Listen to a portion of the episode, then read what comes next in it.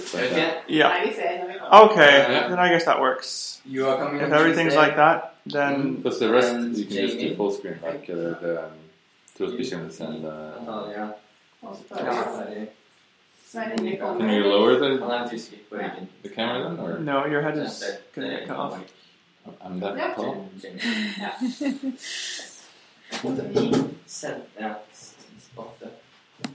No. so they say the, the palette is not. not it's barely showing, right? The palette? Yeah. Oh, that. Well, no, make It shows when there's not the black bar. Yeah. yeah okay. You get the whole thing. Yeah, yeah, yeah. yeah. So there's that Welshman in the way. Oh, that's cool. Looks like you're merging. Himmelens i og ære. Men ja, jeg lar det gå litt, og så I have to ask, is this a healthy plant, the one up there? Mhm. No, If- It's not healthy. I think it needs some more nutrition. Yeah. So do we? Does that? Is that? g- No, no, it's uh, Are we including it? Are we Yeah. including it in the it's picture? fine. Okay. yeah, it's a new. It's new. Okay. We're not embarrassed about it. No, no, Okay. no, no. But we should put more. Do you want more up there? Me? I don't. How much do you see? I'm not this aesthetic guy. It's really just the plant. Okay, you actually yeah. move the plant over, more over. For- Like green one, yeah. yeah, so it comes big in one? from the Oh, side. Oh yeah. You, you guys, That Oh. one. you're next level. Like that. I used all my Well, school years you're in the way. studying Yeah, uh, that's it. visual. Yeah, yeah, like that. That's what it's all about. Så, eh, hvordan sjekker jeg at ventilasjonsanlegget slår på? Det er sånn, det er sånn one, jeg leaving? Ha det. Ha det. Ha det. Hyggelig.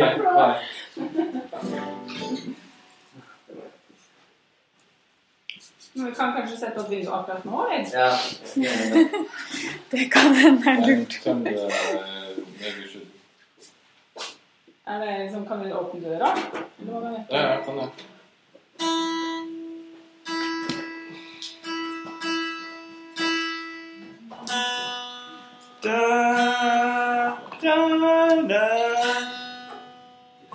Bra sang. Da, da, da, da, da. Da, da. Da,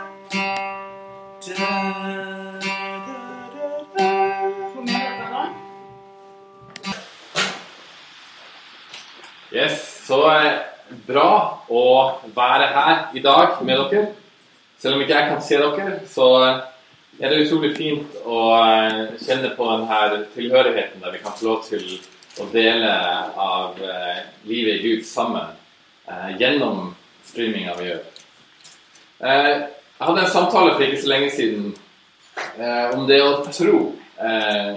Og det å bekjenne seg til Jesus i forhold til andre religioner og sånne ting.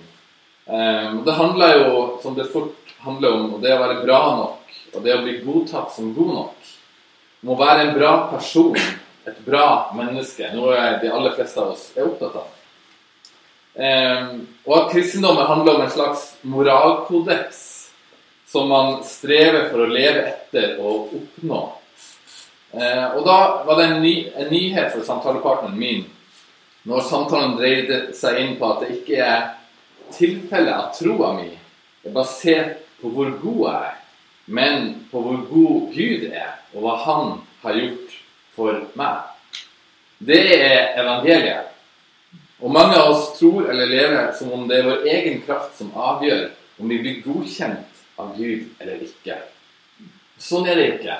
For evangeliet er gode nyheter om at Guds kraft er tilgjengelig inn i våre liv, sånn at vi kan leve et annerledes liv pga. det Han har gjort for oss, og det Han gjør i oss. Men hvordan får man det gode livet på innsida og samtidig utvikle seg til å bli et bra menneske? For det er jo det, er jo det vi alle er enige om, at vi bør ha en utvikling i livet vårt. Sånn at vi blir den beste utgaven av oss selv, og at vi finner det gode livet. Eh, og Bibelen viser oss noen bilder på hvordan vi kan leve for å leve i pakt med det livet som Gud har for oss. Og Bibelen bruker, bruker ofte bilder fra naturen. Og jeg skal lese fra Isaiah 61 i dag. Og Det er en profeti som handler om Jesus og hva resultatet av når Jesus kommer, vil si for mennesker. Og Der står det sånn Jesaja Isaiah 61, vers 1-3. Herrens ånd er over meg, for Herren Gud har salvet meg. Han har sendt meg for å forkynne et gledesbudskap for de arme, for å lege dem som har et knust hjerte, rope ut frihet for fanger og frigjøring for dem som er i lenker. Jeg skal rope ut et nådens år fra Herren, en dag med gjengjeld og straff fra vår Gud. Jeg skal trøste alle som sørger, og gi de sørgende i Sion hodepynt i stedet for aske, gledesolje for sørgedrakt og lovsang istedenfor motløshet. De skal kalles rettferds mektige trær som Herren har plantet for å vise sin herlighet.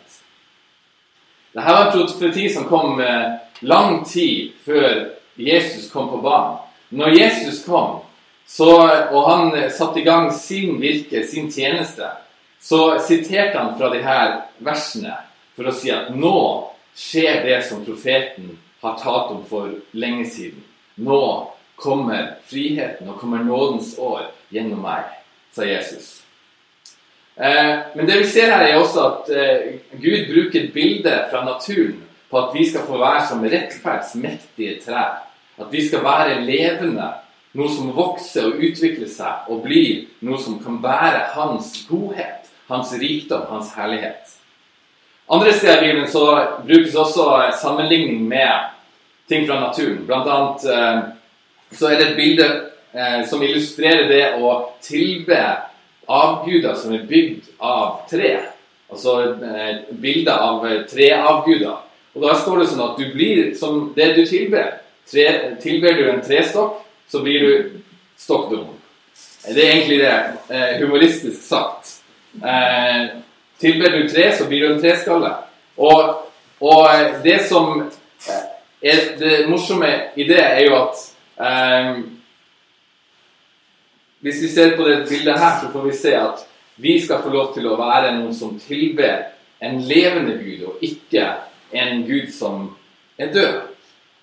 Um, og når Bibelen snakker om rettferds mektige trær, så brukes det bilder på at vi skal få være planta i hans rettferd. I teksten som jeg leste, så tegnes det et helt annet bilde enn det å eh, tilbe en tørr trestokk som gjør oss til eh, treskaller. Eh, for å, eh, for å liksom piske den hesten en gang til. Eh, der det står kalle, de skal kalles rettferds mektige trær, som Herren selv har plantet for å vise sin herlighet.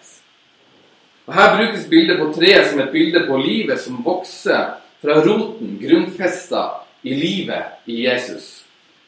Gud skulle en dag komme for å plante i oss og plante oss som rettferds mektige trær som gir frukt, som viser fram Guds rike liv og godhet. Og hvordan lever vi liv som gir god frukt i livet vårt. Hjemme hos oss eh, så har vi et gammelt epletre. Og hver, hver, høst eller hver sommer og hver høst er vi veldig spent på kommer det frukt på det treet. Hvordan ser eplene ut? Eh, og til å begynne med, når vi overtok det treet, så var det ganske gjengrodd, og ingen hadde stelt med det treet. Og da husker jeg at eplene var farga av mange, mange, forskjellige merker, og det var et eller annet sykdom på det. Um, smakte ikke kanskje så veldig godt. Og vi begynte å tenke på det treet her, kommer det til å gi flere epler? Er det, er det dårlig? Er det sykt? Og vi inspiserte frukten. Vi inspiserte eplene, tok de inn, og så så vi på det. Og Det ga på mange måter en indikasjon på om treet var friskt, eller om det var et eller annet som mangla. Kanskje det mangla sol, Jeg måtte kutte ned tre som skygga for det.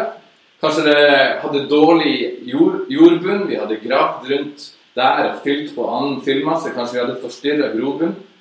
Eh, kanskje jordsmonnet var rett og slett dårlig, eller røttene ikke var sunne. Det må beskjæ måtte beskjæres. Eh, og kanskje den skruen som var skrudd inn i trestammen, ikke var så sunn for den. Ehm, man må sette seg inn i hva er det som bringer liv i et tre.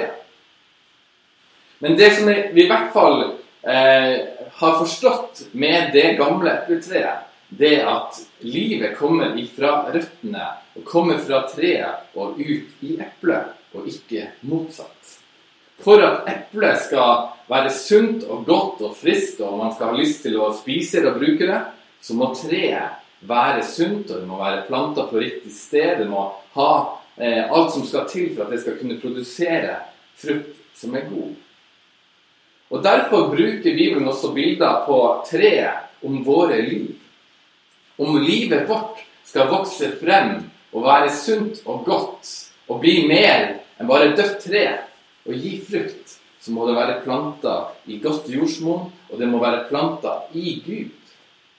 Det holder ikke at vi har høye mål for frukten, hvis ikke røttene våre er dypt planta i der livet kommer ifra. Så hva vil det da si å være en kristen, som da kommer fra det å være små Kristuser, eller Kristuslik? Jo, det å være en kristen, det å tro. Det å bekjenne seg til Jesus. Det å være avhengig av ham i alt. At han har blitt min rettferdighet. At han har blitt mitt, det rette livet for meg. Og det handler om å la han få leve gjennom meg i alle ting. Og la hans liv komme ut gjennom mitt liv. Det er da frukten kommer, og det er da mitt liv vokser og blir noe som kan bære rik frukt og vise Guds godhet. Da får Jesus ført oss til alt det vi er skapt for å være og for å bli, og alt han har kalt oss til å gjøre. Og hva vil det da si å ikke være en kristen, som kanskje mange tenker? Og det å leve etter prinsipper alene, om det så er kristne prinsipper eller ikke, det er ikke det samme som å være en kristen. Og Det å leve etter regler, både påbud og forbud alene, det er ikke det som er kjernen i det å være en kristen. Som kristne så leser vi ikke Bibelen bare for å lage en liste over prinsipper vi skal leve opp til. Du kan leve etter prinsipper, eh, og det er vel og bra, med god moral på mange vis. Og for at du skal høre meg riktig, det er jo bra å leve etter god moral og etikk. Å være, å gjøre det rette er jo ikke feil. Det er jo det rette. kan man si. Det å gjøre rett og leve rett er jo bra og viktig. Men utfordringa er at vi så ofte prøver å leve etter prinsipper og det, gode målet basert på prinsippene selv. Men prinsipper skaper ikke liv. For utfordringa er at prinsipper ikke skaper liv i seg selv. De formidler en standard og et godt krav ofte. Men kraften til å etterleve den standarden, eller å nå det kravet, det ligger et helt annet sted enn i selve kravet. Og jeg tror vi alle kjenner oss igjen i det. Vi har alle forsøkt holdt å si, eh, en nyttårsaften å sette nye krav til oss selv. Og legge strate- strategi for hvordan vi skal lykkes. Og vi har alle feila i å lykkes med å nå målene våre. Og alle som har forsøkt å endre livet sitt, eh, vet at det er vanskelig å endre livet sitt fordi at vi klarer ikke å endre oss selv. Selv om vi ønsker å gjøre det som er rett og godt. Det går bare enn så lenge, så blir man skuffa, eller man blir mismodig hvis man blir skuffa mange ganger nok. Eller så blir det kanskje på andre sida. Man syns man takler livet, så ender man gjerne opp stolt over egne evner. Der man liksom manner seg opp og klarer et område i livet, og man er liksom skikkelig og ordentlig. Og så klarer man ikke samtidig å leve med barmhjertighet overfor de som ikke takler livet. Og eh, i Bibelen så står det at Gud står den stolte imot, men den ydmyke gir han nåde. Så det å, å klare seg så rimelig godt på egen hånd gjør heller ikke til at livet strømmer inn og vi bærer god frukt. Og det er her de gode nyhetene kommer inn. Og i Romerne 5.1 så kan vi lese om noe av det beste med evangeliet. For de gode nyhetene er at det her rette livet som viser Guds kjærlighet, er noe som Han planter i oss. Det er Han som gir det. Og det er noe Han gjør i oss med Hans kraft. Og vår del er å ta imot ved å tro på Jesus. For det å kjenne Jesus Kristus og være kjent av ham, det er vårt liv. Og det er kilden til et godt liv og et rett liv. Og I Romerne 5.1 så står det sånn Da vi altså er blitt rettferdige ved tro, har vi fått fred med Gud ved vår Herre Jesus Kristus. Vi har altså blitt rettferdige ved tro. Og vi har fått fred med Gud ved vår Herre Jesus Kristus. Du og jeg, når vi eh, tror på Jesus og kaster livet vårt på ham, så blir vi erklært, vi blir proklamert, vi blir forkynt ut eh, for, for alle rundt oss, for alle ting i livet vårt. For alle kreftene i universet som river og sliter i oss med krav og anklager, ehm, så erklærer han overfor alt rundt oss og i oss at vi er rettferdige. Vi er erklært rett i Jesus Kristus på grunn av det Jesus har gjort for oss. På mange måter så sier Gud til alle kreftene som prøver å forme oss etter sitt bilde eller sin agenda Hold dere unna. Ola Nordmann, hvis det er det du heter. Ola, er mitt mektige rettferdstre. Kari Det er jo Ola Nordmann og Kari Nordmann. Eh, Kari, du er min. Jeg har planta henne og gitt henne liv og kraft, så hold dere unna.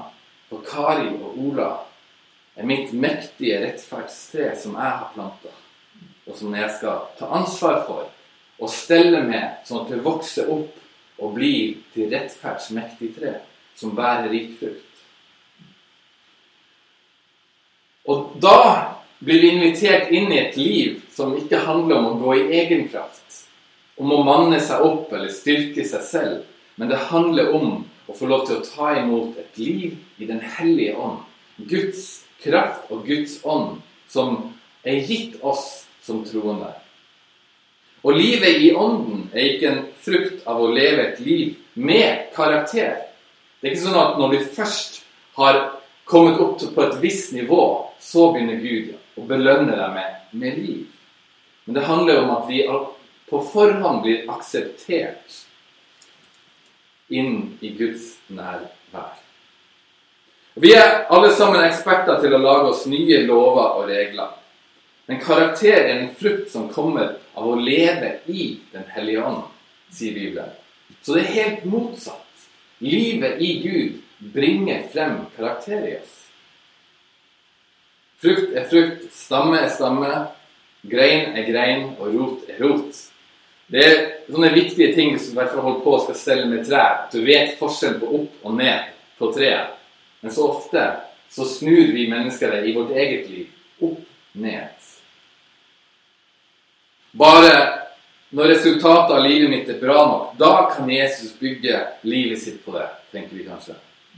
Han kan få bygge livet sitt på meg fordi at nå har jeg gjort et solid fundament i mitt liv. Eller så får han jo ikke gjort noe her på jorda, stakkar Gud. Bare jeg får bedt nok, lest nok, gitt nok, vært snill nok, vennlig nok, kjærlig nok, bare jeg får vært kristen nok, så blir Jesus synlig i meg.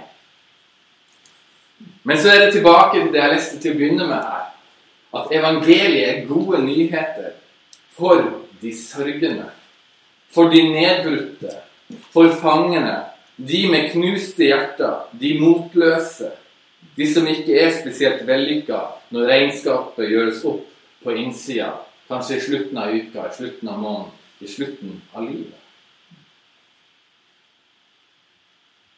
Et annet bilde fra plantelivet som jeg også måtte lese meg opp på når vi eh, begynte å, eh, å se på det her epletreet vårt, det var noe som heter innkoding, eller koding, av trær. Og det hadde ikke jeg tenkt så mye over, selv om jeg, har hørt om det i, i Bibelen, og sånt, for der står det en del om det. Det som er så fantastisk, det er at du og jeg, når vi tror på Jesus, vi blir innpoda i Kristus. Og det er der livet vårt kommer ifra. Poding er jo det at du tar en grein som tilhører et annet tre, og så poder du inn i et gamlere eller et mer solid tre som har liv i seg. Og når det skjer, så, og det fins forskjellige teknikker på det, du kan google på og finne illustrasjoner hvis du har lyst til å gjøre det hjemme. Det som skjer da, det er at det treet som allerede har etablert lange, gode, kraftige røtter, som har masse livskraft i seg, det begynner å sende den livskraften ut i den nye greina, som kommer fra et annet tre, som egentlig ikke hører hjemme i det treet. Men det fantastiske skjer at den livskraften bringer frem frukt i den nye greina. Om man har et tre som har gitt mye frukt, som står i god jord, så poder man inn nye skudd der for at det skal være mer frukt. Og de, nye, de gode nyhetene i evangeliet det er at Gud vil kode deg inn i Jesus som det levende treet som gir deg liv og liv i overflod. Han vil gi kraft. Han vil gi liv. Og han vil skape frukten i ditt og mitt liv. Så lenge vi blir værende i Han, står det. Og det her er det som Bibelens forfattere beskriver som det å leve et liv i Den hellige ånd. Eller Kristus i oss. Og Det står sånn i Galaterne 5 om det å leve i Den hellige ånd. Og her spilles det opp imot et liv som skeier helt ut, og opp imot et liv som modnes og vokser i det gode, det edle, det som er verdt å akte på. Og Der står det sånn i kapittel 5, og det er noen vers her, så bær med meg når vi går gjennom det. Jeg sier dere, lev et liv i ånden. Da følger dere ikke begjæret i menneskets kjøtt og blod. For det kjøttet vil, altså det vi er født med som natur, det som sliter og driver oss ut, utenfor Guds vilje. For det kjøttet vil, står imot ånden, og det ånden vil, står imot det kjøttet vil. Og bare for å klargjøre det her, så handler det ikke om det fysiske kjøttet vårt. For um, Bibelens bilde og Guds bilde på skaperverket er at det er godt. Kropp er bra. Kropp er godt. Og han ønsker at vi skal ha et positivt forhold til vår kropp. Dette handler om den delen av livet vårt som drar oss i feil retning og ødelegger livet vårt. Disse ligger i strid med hverandre, så dere ikke er i stand til å gjøre det dere vil. Men blir dere drevet av Ånden, er dere ikke under loven. Det er klart hva som kommer fra vårt kjøtt og blod. Hor, umoral, utskeielser, avgudsdyrkelse, trolldom, fiendskap, strid, sjalusi, sinne, selvhevdelse, stridigheter, splittelser, misunnelse, fyll, festing og mer av samme slag. Jeg har sagt det før, og jeg sier det igjen. De som driver med slikt, skal ikke arve Guds rike. Men åndens frukt er kjærlighet, glede, fred, overbærenhet, vennlighet, godhet, trofasthet, ydmykhet og selvbeherskelse. Slike ting rammes ikke av loven. De som hører Kristus til, har korsfestet sitt kjøtt og blod sammen med lidenskapene og lystene. Lever vi ved Ånden, så la oss også vandre i Ånden. Her er det Paulus som eh, underviser menigheten om hvor liv kommer ifra, og hvordan vi bygger våre liv. Og det han er utrolig tydelig på, er at det kommer ikke fra oss selv og vår egen kraft. For hvis vi bygger på vår egen kraft, så vil vi bare falle. Og vi vil til slutt bare ødelegge vårt eget liv. Men hvis vi søker å ta imot av Guds kraft i Den hellige ånd, og ikke bare i begynnelsen, når vi hører den gode nyheten om Jesus, men hvis vi fortsetter å bygge livet vårt på å være innpoda i Kristus og motta kraft fra Ham, da vil livet vårt forvandles. Og vi vil bygges og modnes. Og det, den frukten, den standarden, de prinsippene som vi kanskje setter som det viktige i livet, det vil komme ut av Kristus. Og han vil forme det i oss. Det gode og rette livet kan bare komme fra Kristus i oss. Det er bare Han som har beseira synden, døden og den onde. Og verden og alle kreftene som drar i oss mennesker. Bare Jesus har beseira det, møtt det, kjempa med det og gått ut seirende. Derfor er det han som kan lede oss inn i livet. Bare han har som menneske, for han var fullt ut menneske, møtt vår siste fiende, døden, og beseira den og stått opp til liv igjen. Derfor eier han livet. Og den som har Kristus, eier dermed også livet. Og Derfor er det Kristus som er nøkkelen, og han iboende i oss ved Den hellige ånd, som er nøkkelen til liv og liv i overflod, og modning og karakter. Derfor blir jo det neste spørsmålet til oss alle sammen hva lever vi av, da? Hva lever vi ved? Man kan kanskje tenke jo, men jeg lever av å være hjertelig og kjærlig og ikke se på det som jeg ikke skulle ha sett på. Jeg gir til misjon og gir til menighet og til mor og far og til gode ting, til folk på gata som spør. Da lever jeg. Da har jeg forstått livet. Og alle disse tingene er jo bra og riktig, men livet kommer ikke fra der. Men de gode tingene er et resultat av et liv som flyter over. Der vi får lov til å gi av det livet som Jesus skaper i oss.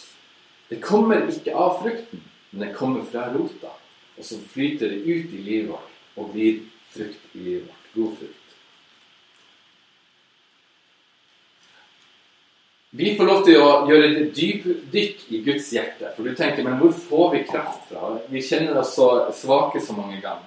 I 1. Korinterbrev 2 og vers 9-11 så står det sånn men som det står skrevet, det, det intet øye så og intet øre hørte, det som ikke kom opp i noe menneskehjerte, det som Gud har gjort ferdig for dem som elsker ham, det har Gud åpenbart for oss ved sin ånd. For ånden utforsker alle ting, også dybdene i Gud. Det som er fantastisk med evangeliet, det som er fantastisk med livet i Jesus, det er at han drar oss inn og lar oss få lov til å gjøre dypdykk i Guds hjerte. Det som mennesker gjennom hele historien har lengta etter å se inn i, lengta etter å finne ut av, det finner vi gjennom Den hellige ånd, som lar oss få lov til å ta del i rikdommen i Gud. Det som er godt, det som er edelt, det som flyter over, det som vi alle mennesker lengter etter dypest sett og trenger. Det er der livet kommer fra. Og der er vi invitert inn. Og det er faktisk mulig å leve i og av Den hellige ånd. Om du har gitt livet ditt til Jesus, og at han er din herre og frelser Du har satt all din tillit til ham for livet, for her og nå og for evigheta. Da har du fått Den hellige ånd. Og du lever det livet som han kaller til, bare i kraft av Den hellige ånd og det han gir deg. Derfor står det at om vi lever ved Den hellige ånd, så la oss også vandre i Den hellige ånd. Og så har jeg lyst til å gi deg en annen nyhet som kanskje i utgangspunktet høres negativ ut. Og det er den at Gud trenger deg ikke. Og hvis du blir overraska over det, så er det her nettopp til deg. Du er ikke noen som er påtvunget Gud. Gud trenger deg ikke. Og det er en enorm frihet i deg. Det er som enhver relasjon at ofte når vi trenger hverandre for mye, så blir det manipulasjon inn i relasjonene. Men når vi ønsker å ha hverandre, når vi ønsker å tjene hverandre, når vi gir av frihet til hverandre, så kommer det en frihet inn i relasjonen. Gud trenger oss ikke, men han ønsker oss. Han ønsker deg. Han lengter etter deg. Han vil ha deg. Han har utvalgt deg, står det. Du er et ønska barn ikke en innleid tjener for ham, sånn at han skal få gjort det han vil. Du er en arving. Du er tatt inn i familien. Du er utvalgt som den som skal få hans liv, som hans liv skal gå videre ut gjennom, som en far. Hele hans fylde, hans herlighet. Det er en gave som du kan la strømme ut gjennom ditt liv. Det er ikke din lønn som en tjener, men det er utgangspunktet for det livet vi er kalt til å leve. Og det er litt som om man eh, ser barn som ikke har foreldre. Hvis man har lest historier eller man har sett filmer, man ser barn som lever på gata, og hvordan de eh, bruker hele livet sitt for å prøve å få til seg den maten de trenger, eller få tak over hodet. og det er All kraft og energi går for å klare å være sine egne foreldre. Og så, og så Når man sammenligner det opp mot mine barn Jeg har fire barn. Og de har det ganske fritt og godt. De må ikke prestere før jeg gir dem mat. De må ikke prestere før jeg gir dem en seng å sove i. De får lov til å bo hjemme hos meg. Det er utgangspunktet. Maten og omsorgen og kjærligheten og myndiggjøringa er utgangspunktet. For de får liv gjennom vår kjærlighet. De er ønska. De er mine barn. De må ikke stave riktig før de får lunsj. De får det som de trenger pga. at vi elsker dem.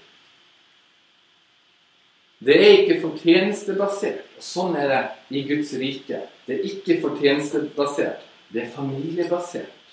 Alt mitt er deres. Det står at Gud sier at det er hans gode vilje å gi oss Guds rike. Hans gode vilje. Han ønsker deg. Han lengter etter deg. Videre så står det at vi har fått denne ånden som gjør at vi kjenner oss som Guds barn. Du har fått barnekårets ånd, kaller Bibelen det. Gud bruker ikke skyld og skam for å få deg til å tjene ham. Det er den ondes hersketeknikker. Hør hva det står i Romerne 8. Og nå deler mange av indrefileten i Det nye testamentet. Og det må vi bare ta til oss. Jeg utfordrer deg. Ta det til deg som ord til deg. Romerne 8, 12-17. Derfor, søsken, skylder vi ikke vårt kjøtt og blod noe, så vi skulle leve etter det. For hvis dere lever slik kjøttet vil, må dere dø. Men hvis dere ved ånden dreper kroppens gjerninger, skal dere leve. Alle som drives av Guds ånd, er Guds barn. Dere har ikke fått en ånd som slavene har, så dere igjen skulle være redde. Nei, dere har fått en ånd barna har, den som gjør at vi roper 'Abba, far'. Og 'Abba' er et intimt eh, navn på far. Pappa, egentlig. Pappa Gud. Pappa far. Ånden selv vitner sammen med vår ånd at vi er Guds barn. Men er vi barn, er vi også arvinger. Vi er Guds arvinger og Kristi medarvinger. Så sant vi lider med ham, så vi også skal få del i herligheten sammen med ham. Dette er egentlig fantastiske nyheter til hele menneskeheten. Og spesielt til deg som har tatt imot Jesus. Du er barn av Gud, og du er arving av Gud. Og du tilhører hans familie, og han, alt hans er ditt. Du kjenner det på innsida. Du vet det bare. Og du kan leve i frihet på grunn av det, at Den hellige ånd bor i ditt hjerte. Og det er jo nettopp det at du er erklært rettferdig. Du er himmelen verdig i Kristus, som gjør at du er fri til å ta imot all åndelig velsignelse fra dypet i Gud ved Den hellige ånd.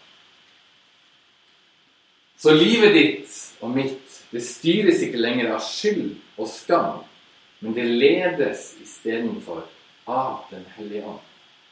Det ledes av Guds røst, av Guds relasjon, der Gud kommer til oss og hvisker inn i vårt hjerte og leder oss på en god måte, på en kjærlig måte, inn i det nye livet. Noe av det som er vanskeligst for barn å høre, og kanskje som ødelegger mest forholdet og selvtillit, det er når barn hører fra sine foreldre de her ordene om at 'jeg er skuffa over deg'. Det å skuffe foreldrene sine, det er noe av det verste eh, vi kan oppleve. Og det, Vi har alle sammen hatt den følelsen, tror jeg. Vi har vel aldri eh, Ingen av oss har gått utenfor det å faktisk skuffe noen, og også skuffe våre foreldre. Men det sier noe om, noe om oss som mennesker. Vi lengter etter at foreldrene våre, opphavet vårt, familien eller fagmiljøet de vi syns er kule, eller i det minste noen, noen som helst skal være stolte av oss. Og mange av oss lever eh, sånn gjennom hele livet og lengter etter å få høre det, at jeg er stolt av deg. Fordi at vi er skapt for å leve i en relasjon til en god far som bekrefter oss, og som myndiggjør oss, og som sender oss ut med hans kraft. Tenk hvor mange som kjemper med det her hele tida og lever etter hva som forventes av oss. Vi vil ikke at folk skal bli skuffa over oss. Så tar vi det med oss inn i vårt forhold til Gud. Han må ikke bli skuffa over meg. Han må kunne stole på meg. Du er dømt til å mislykkes. Det blir å være en slave av din egen dagsform og dine egne begrensninger og svakheter. Tro meg, jeg har prøvd. Det funker dårlig. Det som funker, derimot, det er å godta på mange vis og ta imot det at Gud er mektig imponert over deg og meg i Jesus Kristus. Fordi at han har inkludert oss inn i det Jesus har gjort for oss. Så har han reddet oss fra oss selv og fra våre nederlag. Og han har blitt vår rettferdighet. Du klarer ikke å imponere ham mer enn det Jesus allerede har gjort. Derfor er det nok. Du er forent, du er inkludert i Jesus. Han vedkjenner seg deg. Han inkluderer deg i sitt liv. Det som er sant om Jesus, er sant om deg og meg. Og det er jo en helt fantastisk nyhet. Hvilken kjærlighet fra Gud det her er. For det her har alltid vært Guds plan. Mange som tror at Gud er liksom den kjipe guden i Gamle Testamentet, så kommer Jesus, og så er han en annen snill gud. Jesus, det han har gjort for oss, har hele tida vært Guds kjærlighetsplan. Guds kjærlighetsbevegelse fra tidenes morgen helt til det fullbyrdes i Jesus, og helt til han kommer igjen. Det er Guds plan som full av kjærlighet søker etter sine barn. Derfor er det gode nyheter at Gud ikke trenger deg. Han har ikke behov for deg. Du er ikke nødvendig. Det handler egentlig ikke om deg. Det handler om han, men han ønsker deg. Han lengter etter deg. Han har utvalgt deg pga. sin store kjærlighet og sin godhet. Du er elska og ønska. Tenk å få leve med det som basisen. At du er elska og du er ønska. Det er ikke sånn at han tar det inn til seg, for noen har liksom tvunget deg inn på ham. Det er ikke sånn at Jesus kommer dragen med deg inn i huset og ser hva jeg tok med meg ut fra gata, liksom. Siden jeg har tatt med han her, så må du bare godta ham. Det er ikke sånn. For det er Guds hjerte og Guds plan og Guds gode vilje å gi oss Hans rike. Kanskje du er en av de som går rundt og har fått oppleve i livet ditt at du ikke var et kjærlighetsbarn, at du ikke var ønska. Nå kan du få lov til å åpne hjertet ditt i trygghet og kjenne at du har fått fred med Gud. Og Guds kjærlighet blir tømt inn i ditt hjerte ved Den hellige ånd. Du får kjenne at du er ønska, du er elska.